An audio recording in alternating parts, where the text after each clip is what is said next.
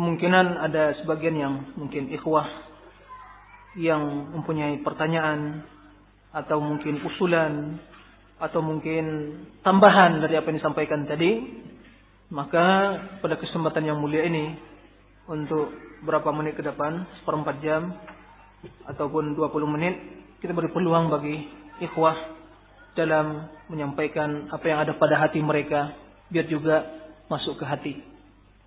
Kan dari hati ke hati. Tadi itu dari hati ana. Dan sekarang ana melihat, ingin mendengar dari hati antum semua. Ya. Jadi dari hati ke hati.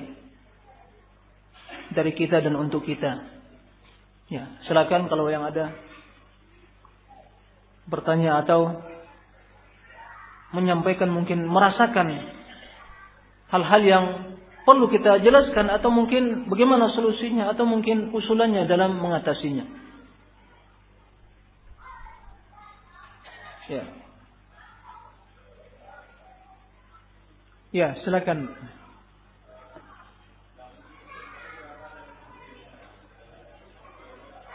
Dari mana? Ya.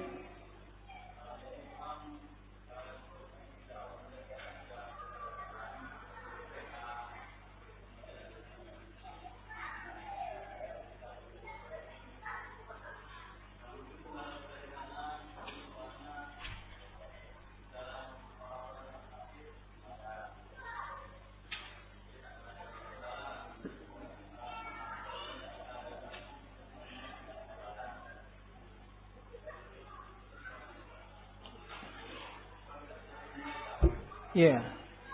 Iya. Nah, itu kita mendengar dari saudara kita yang dari Aceh ya.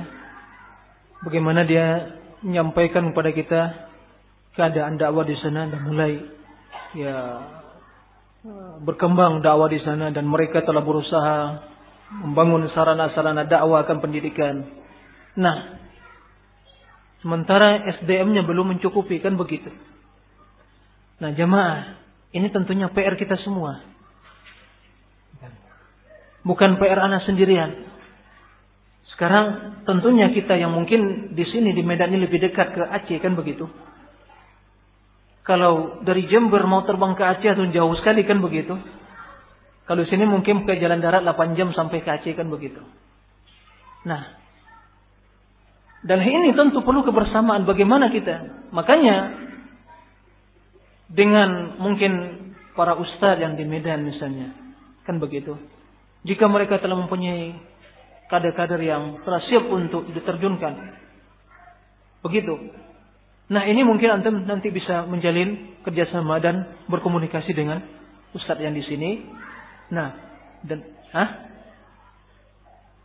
ya ya Hasan yang menhajus sunnah atau yang yang sekarang ya berkecimpung dalam badan dakwah, dakwah salam ini. Nah, mungkin nanti bagaimana solusinya? Apakah nanti mungkin dikirim para ustaz-ustaz yang bisa untuk terjun di sana? Nah, oleh karenanya juga ada satu hal yang perlu kita perhatikan. Jadi kita sekarang butuh apa? Memerlukan pembinaan, pengkaderan. Ini yang harus kita berpikir ke depannya. Bagaimana? Sebab dakwah ini semakin meluas, sayap, meluas sayapnya. Kan begitu. Berkembang. Tidak bisa di, dibendung lagi. Dakwah ini tidak bisa dibendung. Dalam keadaan orang suka atau tidak suka. Dakwah tidak dibendung, tidak bisa dibendung. Begitu mendapatkan sedikit saja celah untuk bisa masuk, dia akan masuk, cahaya akan masuk. Bagi cahaya, kalau ruang tertutup, tidak akan bisa masuk. Tapi sedikit aja terbuka, sedikit aja terbuka, dia akan masuk cahaya tadi. Begitulah kekuatan, kekuatan dari sinar cahaya dakwah yang mulia ini. Tidak bisa dibendung. Soalnya kebutuhan batin manusia. Tidak mendapatkan siraman batin dan kebutuhan jiwanya kecuali dalam dakwah ini. So, yang dakwah sesuai dengan fitrah. Tidak bisa dibendung. Nah, hendaknya ahli sunnah semakin bijaksana. Kenapa? Membuat strategi-strategi yang yang positif. Langkah-langkah yang positif Bagaimana ke depan kita untuk mengembangkan dan untuk melanjutkan atau memperluas ruang dakwah ini. Seperti itu. Bagaimana langkah-langkahnya? Dengan cara pendidikan. Kita harus membina bersama. Pendidikan. Nah langkah yang ditempuh saudara kita sekarang dan teman-teman di sini, alhamdulillah dengan pendidikan. Ini ya belum cukup tentunya. Masih banyak di sana kekurangan sana sini. Tapi kalau ini hanya dikelola segelintir manusia saja sebagai saudara kita, yang lain hanya ingin penonton saja. Tidak berusaha memberikan yang terbaik. Ini yang tadi kata-kata bosnya tidak ada ta'awun. Kerjasama yang baik. Egonya yang dikedepankan. Maka kapan kita akan bisa melahirkan generasi-generasi yang akan bisa melanjutkan tongkat estafet perjuangan kita. Nah, itu salah satu dari keluhan saudara kita yang di Aceh.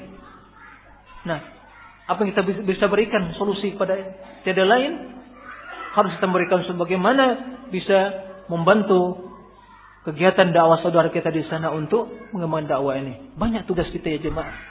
Kenapa kita kadang sibuk dengan aib saudara kita, mencari sisi kelemahannya, sementara masalah yang lebih umum tidak kita pertimbangkan.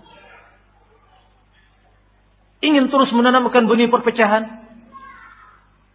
Sementara lihat bagaimana salah satu dari saudara kita bagaimana keluhannya.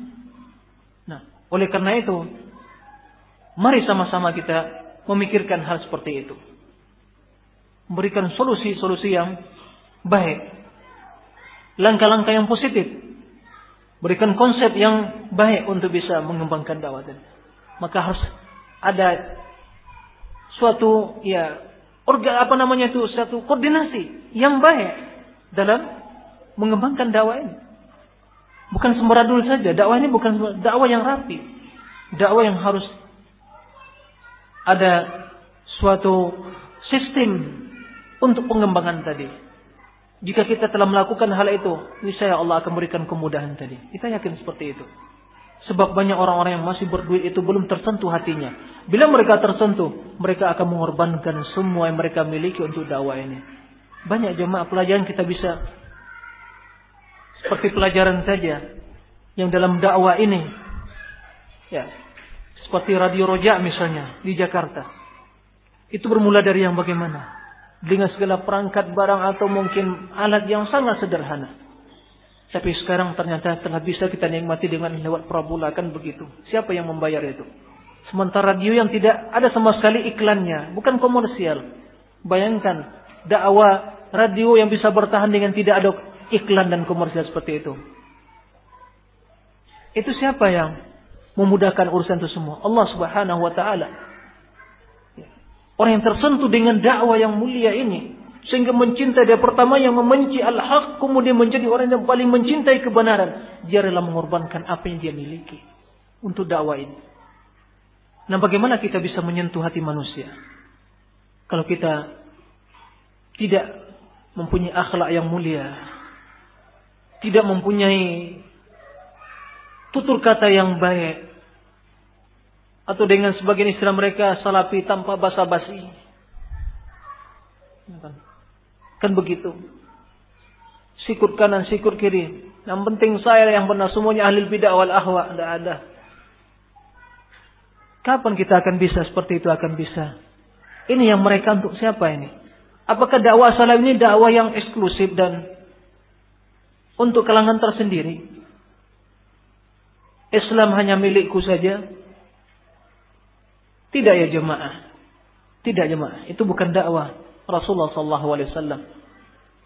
Dakwah Rasul dakwah rahmatan lil alamin. Menebar kasih sayang.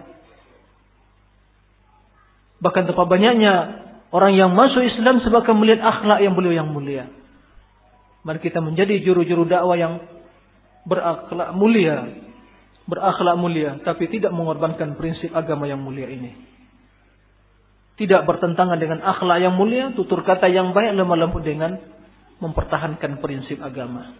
Nah, oleh karena itu kita menghimbau saudara kita semua untuk memikirkan apa yang diutarakan oleh saudara kita tadi dari Aceh, di mana mereka telah membangun atau membuat sarana pendidikan, tempat dan yang lain-lainnya. Tapi untuk sementara tidak ada orang yang untuk mengelola kan begitu untuk membantu bekerjasama dan mengembangkan hal itu ini tugas kita semua nah bagaimana solusinya nanti bisa mungkin uh, al-akh meng me, apa namanya itu mengkoordinasikan atau membicarakan dengan saudara-saudari Yayasan Haji Sunnah bagaimana ke depannya ya.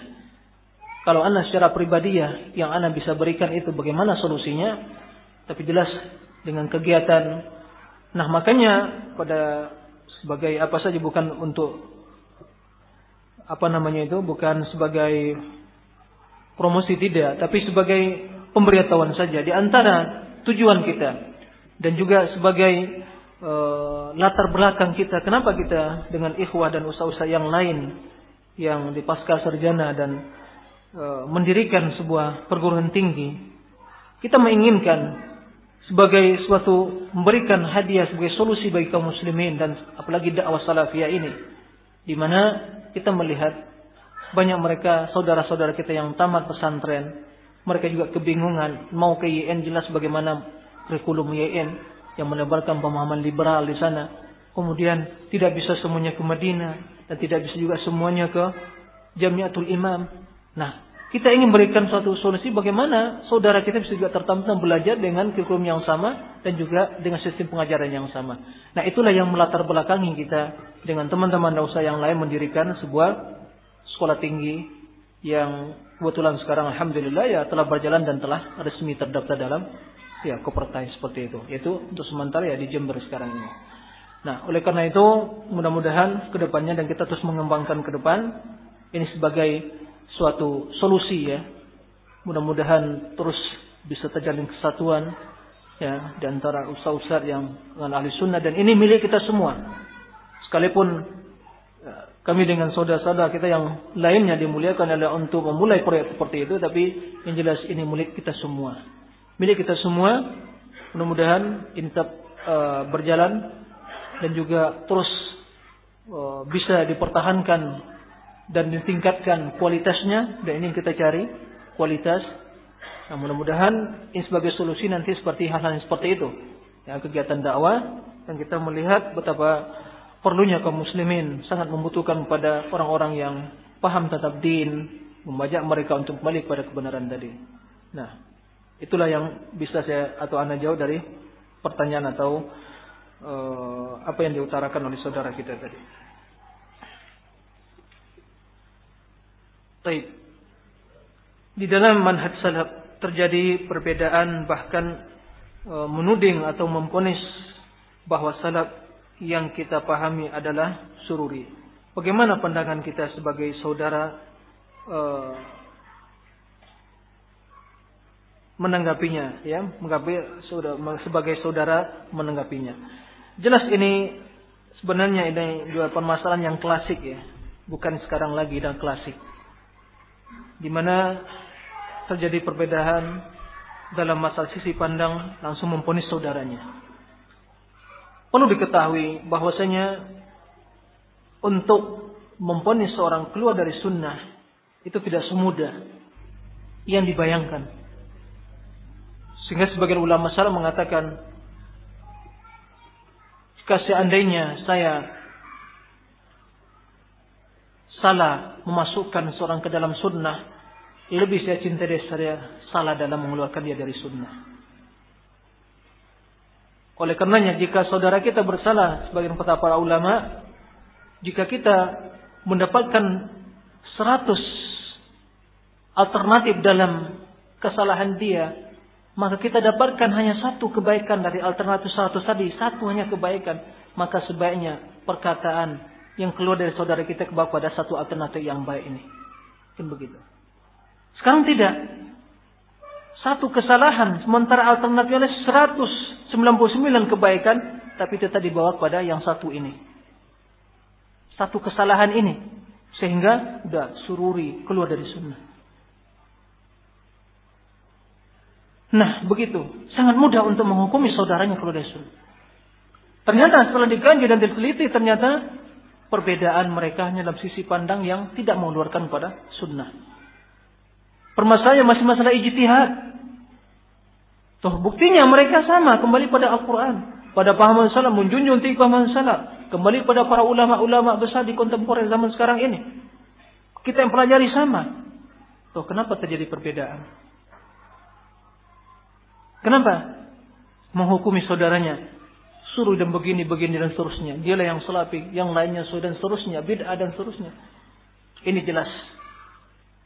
Sikap tahdiran, sikap baiko dan juga ponis yang tidak sesuai dengan kaidah-kaidah manhajus salaf itu sendiri. Oleh karena itu, untuk mengeluarkan dan untuk menghukumi seorang keluar dari sunnah, menyimpang dari sunnah, itu ada hal yang perlu diperhatikan. Pertama, kita harus melihat prinsip dia. Prinsip beragamanya. Atau dalam permasalahan-permasalahan furu' yang dia lakukan, tapi telah berulang kali itu terus menjadi tradisi dia dalam amal ritualnya.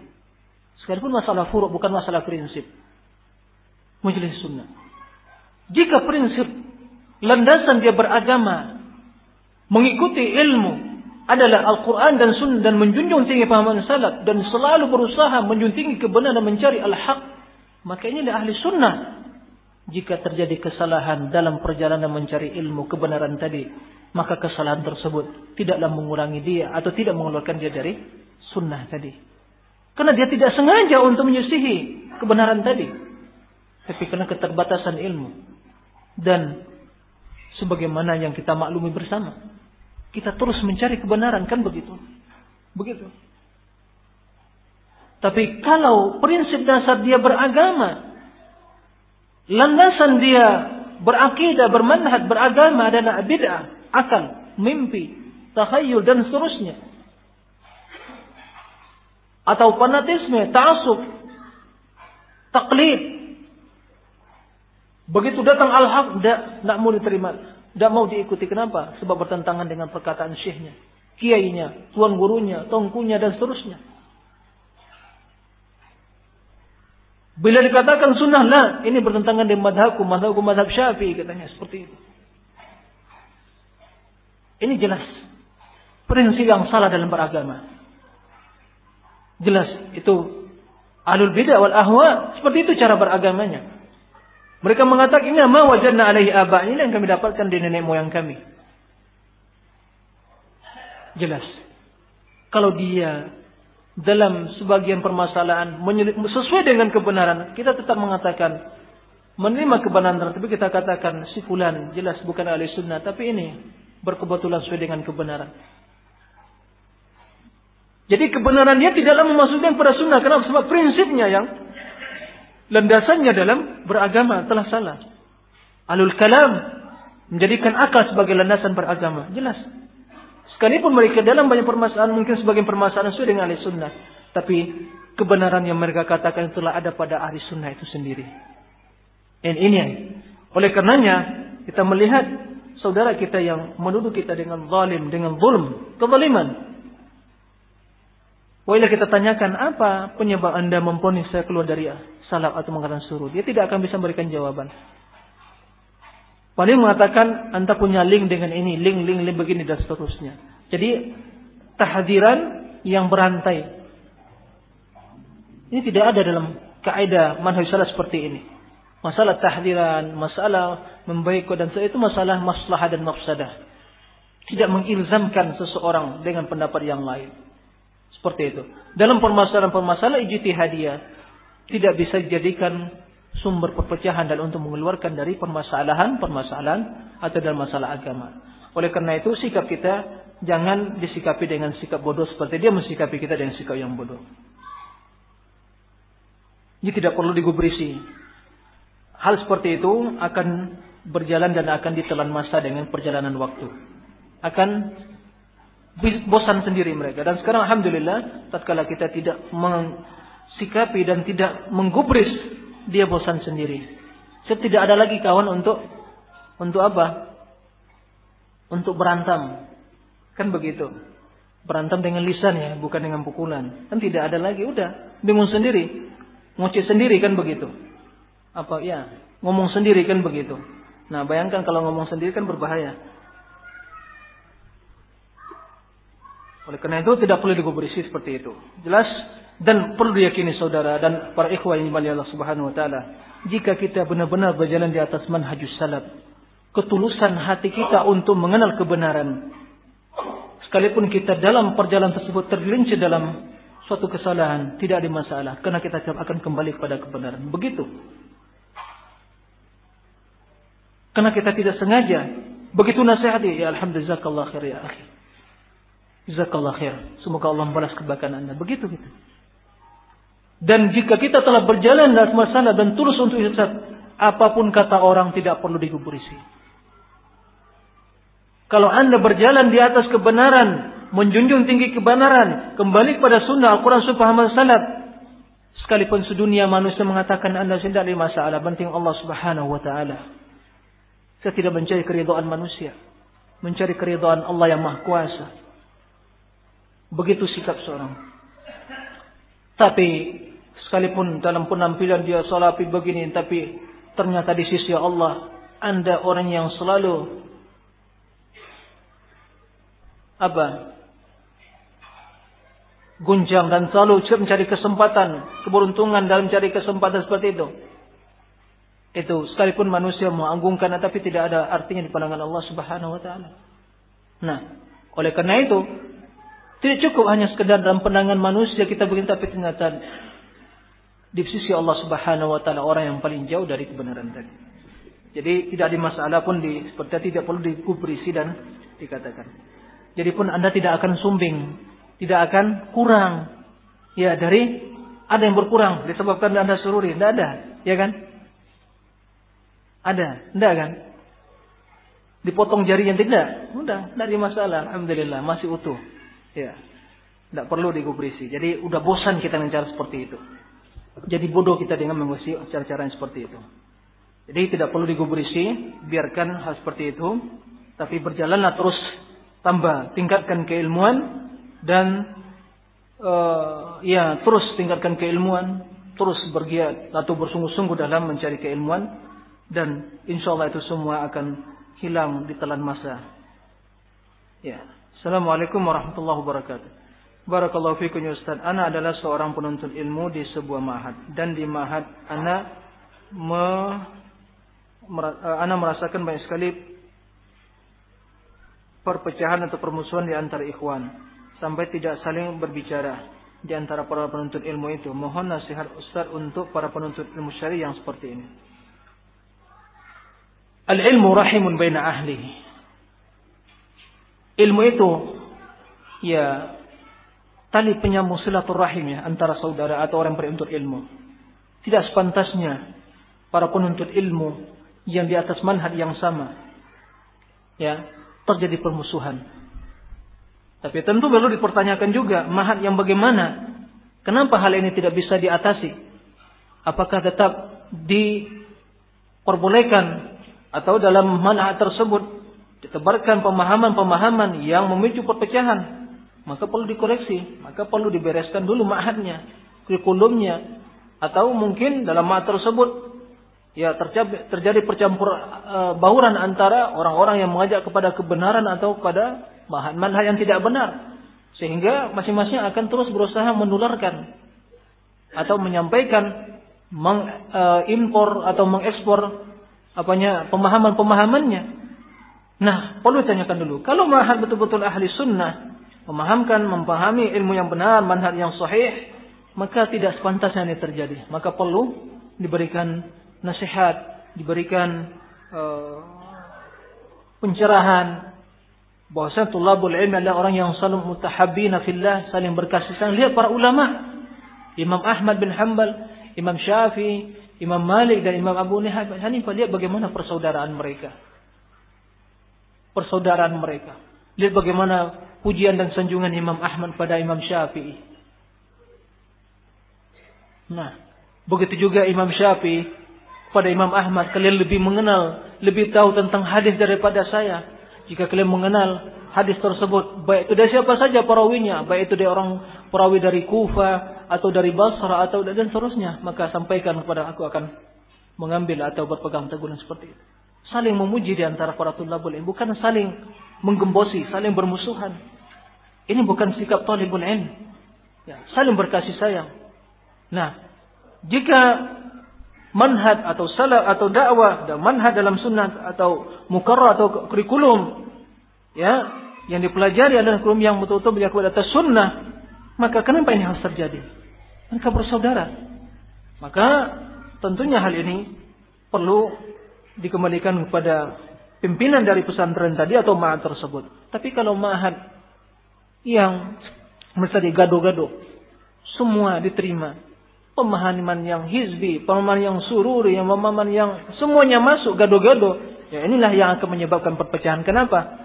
Sebab yang namanya bid'ah itu adalah sumber perpecahan. Qala sallallahu alaihi wasallam alaikum wa sunnatil khulafa ar-rasyidin al-mahdiyyin min ba'di. Addu 'alaiha bin nawaj wa iyyakum wa muhdatsatil umur fa inna kulla muhdatsatin bid'ah wa kulla bid'atin dhalal. Atau dalam hadis yang lain, fa innahu may ya'ish minkum fa sayara ikhtilafan katsira fa 'alaikum bisunnati wa sunnatil khulafa ar-rasyidin al-mahdiyyin min ba'di. Addu 'alaiha bin nawaj wa iyyakum wa muhdatsatil umur. Para menjelaskan akan terjadi akan terjadi nanti perbedaan Begitu kalian nanti salah seorang kalian yang panjang umurnya akan melihat perpecahan yang sangat banyak sekali. Maka di akhir hadis Rasul mengatakan wa iyyakum wa muhdatsatil umum menjelaskan pada kita bahwasanya ihdas merupakan penyebab dari perpecahan. Begitu ada perpecahan maka penyebab adalah bid'ah dan perpecahan itu adalah merupakan suatu yang bid'ah dalam agama yang mulia ini. Oleh karena itu bid'ah merupakan pemecah. Maka mereka dinamakan ahlul bid'ati wal furqah. Ahlul bid'ah dan juga orang yang berpecah belah. Ahlus sunnah namakan ahlus sunnati wal jamaah. Kenapa? Mereka orang yang berjalan dalam sunnah dan bersatu. Ya, begitu. Oleh karenanya, merupakan penyebab utama perpecahan tersebut adalah mengikuti bid'ah atau pemahaman-pemahaman yang lain yang menyimpang dari sunnah tadi. Nah, kalau itu terjadi di pesantren atau pondok seperti itu, maka itu perlu dibereskan dan dibersihkan dari pemahaman seperti itu agar terjadi persatuan di kalangan para santrinya. Allahu a'lam. Ustaz bagaimana kiat-kiat agar selalu berhusnudzon kepada saudara kita? Ya seperti tadi. Bahwasanya jika kita mendapatkan mendengar suatu dari saudara kita, maka bayangkan kalau seandainya kita mendapatkan ada 10, 100 alternatif, maka satu di antara sekian banyak alternatif itu satu kebenaran saja. Sementara yang lebihnya itu adalah betul itu suatu kesalahan, maka yang perlu di paham dibawa kepada pemahaman satu pemahaman yang benar tadi. Seperti itu. Husnudzan dengan saudara kita. Nah, kiat-kiatnya seperti tadi. Bahwasanya pertama adalah dengan menanamkan kasih sayang pada saudara kita. Artinya, sebagaimana kita saudara kita tidak kita tidak menginginkan untuk diperlakukan seperti itu, maka juga kita tidak menginginkan kita memperlakukan saudara kita. Ini yang pertama anta'tu ila nas kama tuhibbu an yu'ta ilaikum. Kamu menghadapi manusia, bermuamalah dengan manusia sebagaimana kamu menginginkan mereka bermuamalah kepada kamu. Ini. Kemudian dia jelas memahami bahaya dari suudzon. Karena suudzon itu kebohongan. Kata Allah Subhanahu wa taala, "Ijtanibu katsiran min adh-dhann, inna ba'da adh-dhanni itsm." Kan begitu. Kalau kita memahami bosnya su'zon itu adalah uh, su'zon, prasangka jelek itu adalah dosa, maka kenapa kita tidak menjauhkan diri dari perbuatan dosa tersebut? Wallahu a'lam.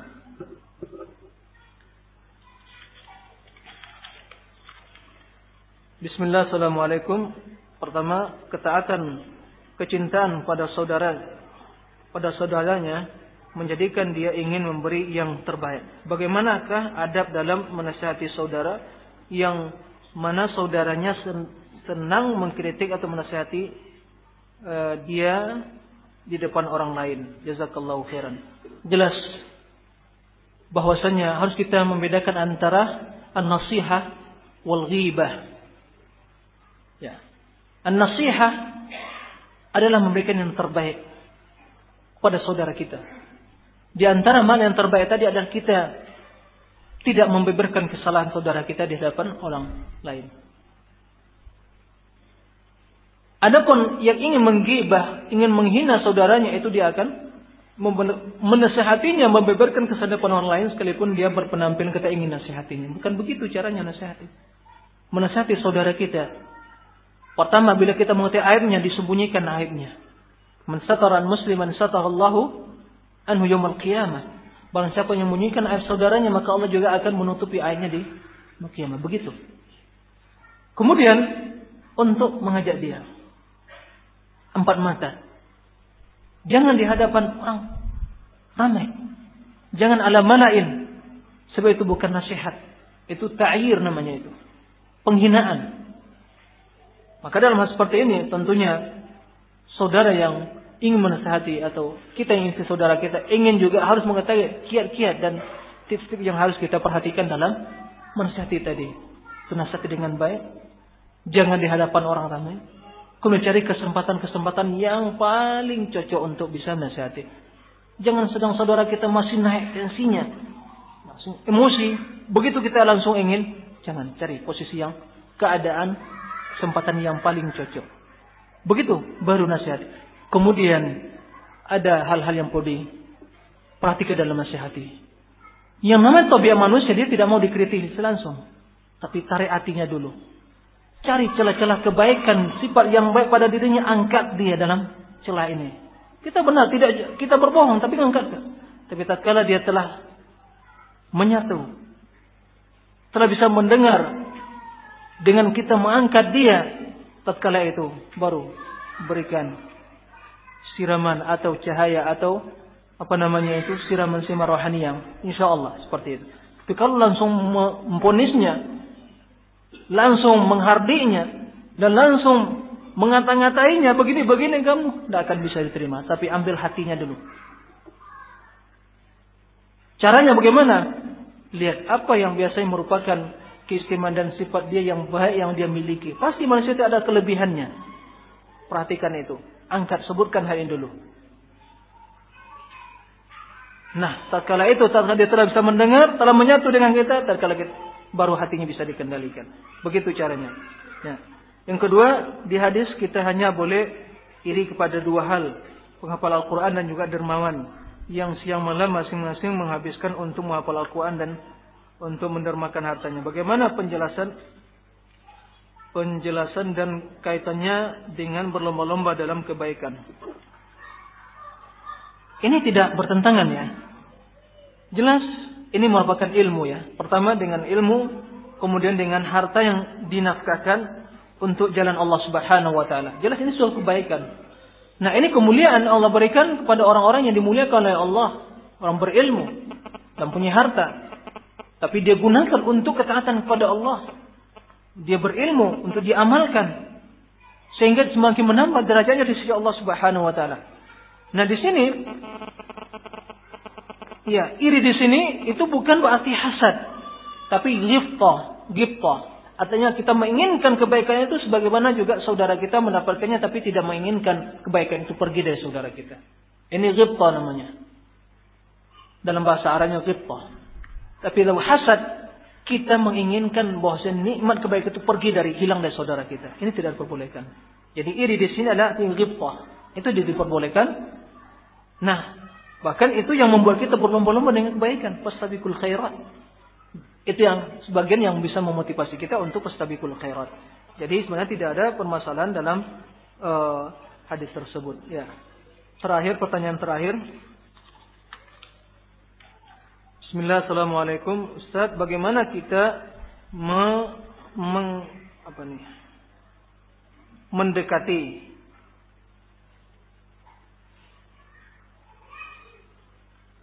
Aduh, siapa yang bisa membaca ini? Tidak tahu mungkin jam berapa ini. Order lebih coba, coba antum baca ini.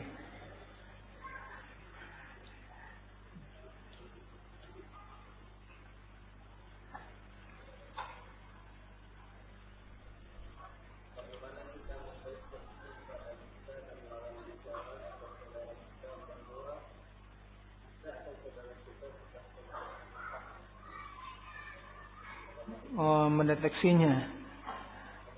Iya, iya.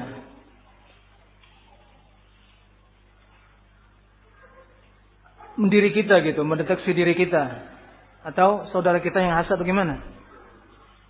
Dia ingin mendeteksi dia pada diri kita atau saudara kita? Bagaimana kita mendeteksi pada diri kita dan lawan bicara atau saudara kita? Hmm. Kita atau saudara kita sudah terkena hasad Iya, tentu. Iya tidak terlalu jauh meracuni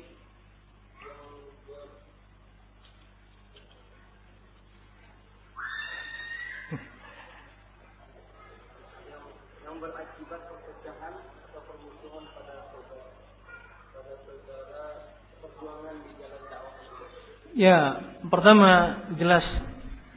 Pertama tentu masalah diri kita, tentu kita yang lebih tahu apa yang ada pada diri kita.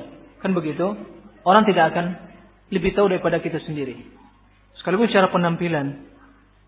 Ya, kita mungkin berpenampilan, tapi bagaimanapun itu akan ketahuan bahwa si fulan ya, apa yang ada pada tutur katanya dan lisannya akan juga mengungkapkan ada apa ada pada hatinya. Seperti itu. Oleh karenanya dalam hal ini jika kita dalam diri kita tentu kita lebih tahu. Tatkala kita menginginkan kebaikan itu, tapi terben, terbetik di hati kita keinginan untuk hilangnya nikmat dari saudara ini itu hasad. Maka cepat kembali pada Allah. Beristighfar kepada Allah. Tapi dari saudara kita tentu ini juga susah untuk mendeteksinya. Kan tapi tatkala dia dari sikap dan uh, apa namanya itu indikasi-indikasi yang ada, itu bisa terkadang kita melihat bahwasanya tatkala dia selalu berusaha untuk mencelakakan kita. Dari omongannya, dari usaha propaganda seperti itu. Itu terlihat seperti itu dari sikap dan perkataannya. Itu lama-lama akan terlihat bahwa dia itu betul hasad pada kita. Kenapa? Sebab dari usahanya terus berusaha menjerumuskan kita dan juga dari omongannya atau dia yang andil dalam menebarkan fitnah dan isu seperti itu itu bisa terlihat dengan kehasad dan dengkian tadi. Tapi yang jelas ini semua adalah umur yang gaib ya.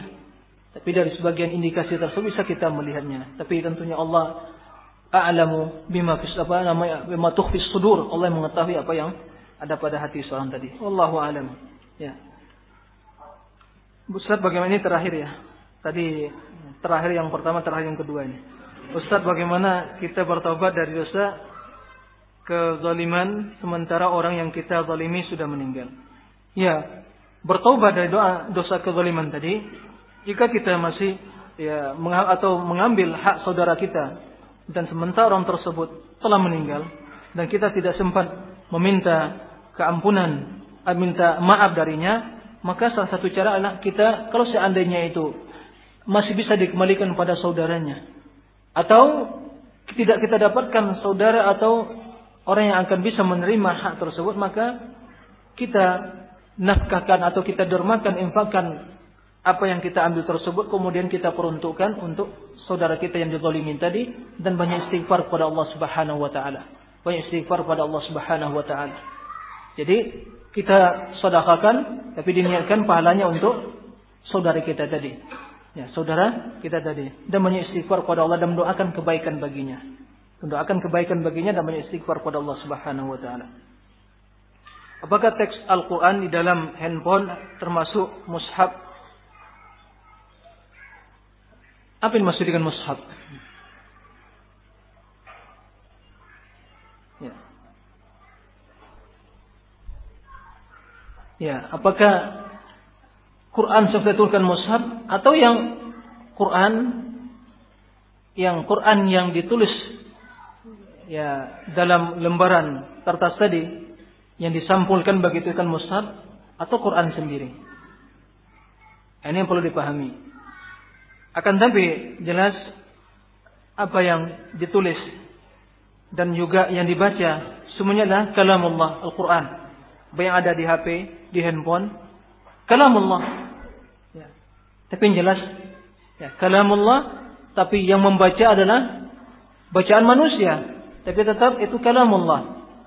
Maka dalam hal ini, ya, kalau yang dimaksud mushaf adalah sampul yang Quran yang tersusun dan dijilid ya dengan dalam sampul yang seperti yang kita lihat itu mushaf jelas itu tidak kenapa sebab tidak ada dalam HP yang seperti itu kan begitu. Tapi semua ayat-ayat Al-Quran saja. Kan begitu. Nah, ya mudah-mudahan tidak termasuk itu dikatakan mushaf. Tapi yang jelas itulah Al-Quran. Ya, Al-Quranul Karim. Teksnya itu Al-Quran. Jadi ke mana pun diarahkan, ditulis, diucapkan, atau dihafal. Semuanya lah kalamullah azza wa jalla. Akan tapi bacaan itu aja bacaan manusia. Jelas bacaan manusia. Tapi yang dibaca adalah kalamullah subhanahu wa ta'ala. Yang kita dibedakan antara al-qari' dan juga al-maqru'. Al-maqru' kalamullah, tapi yang membaca Manusia yang membaca. Yang bacaannya itu jelas itu bacaan manusia, tapi yang al-maqru' yang dibaca adalah kalamullah azza wa jalla. Demikian wallahu alam wa sallallahu wasallam nabiyina Muhammad wa ala alihi wasallam. Mudah-mudahan uh, dari hati ke hati bisa masuk ke hati dan bisa dihayati dan diamalkan dalam kehidupan ini. Semoga Allah Subhanahu wa taala selalu membimbing kita semua dan mensucikan hati kita untuk bisa menerima dan mengamalkan, merenungi ayat-ayat Allah dan mengamalkan uh, nasihat-nasihat terdapat dalam Al-Quran dan Sunnah. Mudah-mudahan kita menjadi orang yang selalu menjalin persaudaraan karena Allah, berkasih karena Allah, tolong menolong, bahu membahu, bekerja sama dalam menjalankan tugas atau misi yang berat ini itu dakwah as-salafiyah. Jika kita tidak berusaha untuk bekerja sama, siapa lagi yang akan bekerja sama dalam mengembangkan dakwah yang mulia ini? Demikian wallahu alam wa sallallahu wasallam nabiyina Muhammad wa ala alihi wa sahbihi wasallam. Subhanaka Allahumma bihamdik an la ilaha illa anta astaghfiruka wa atubu. Wassalamu alaikum warahmatullahi wabarakatuh.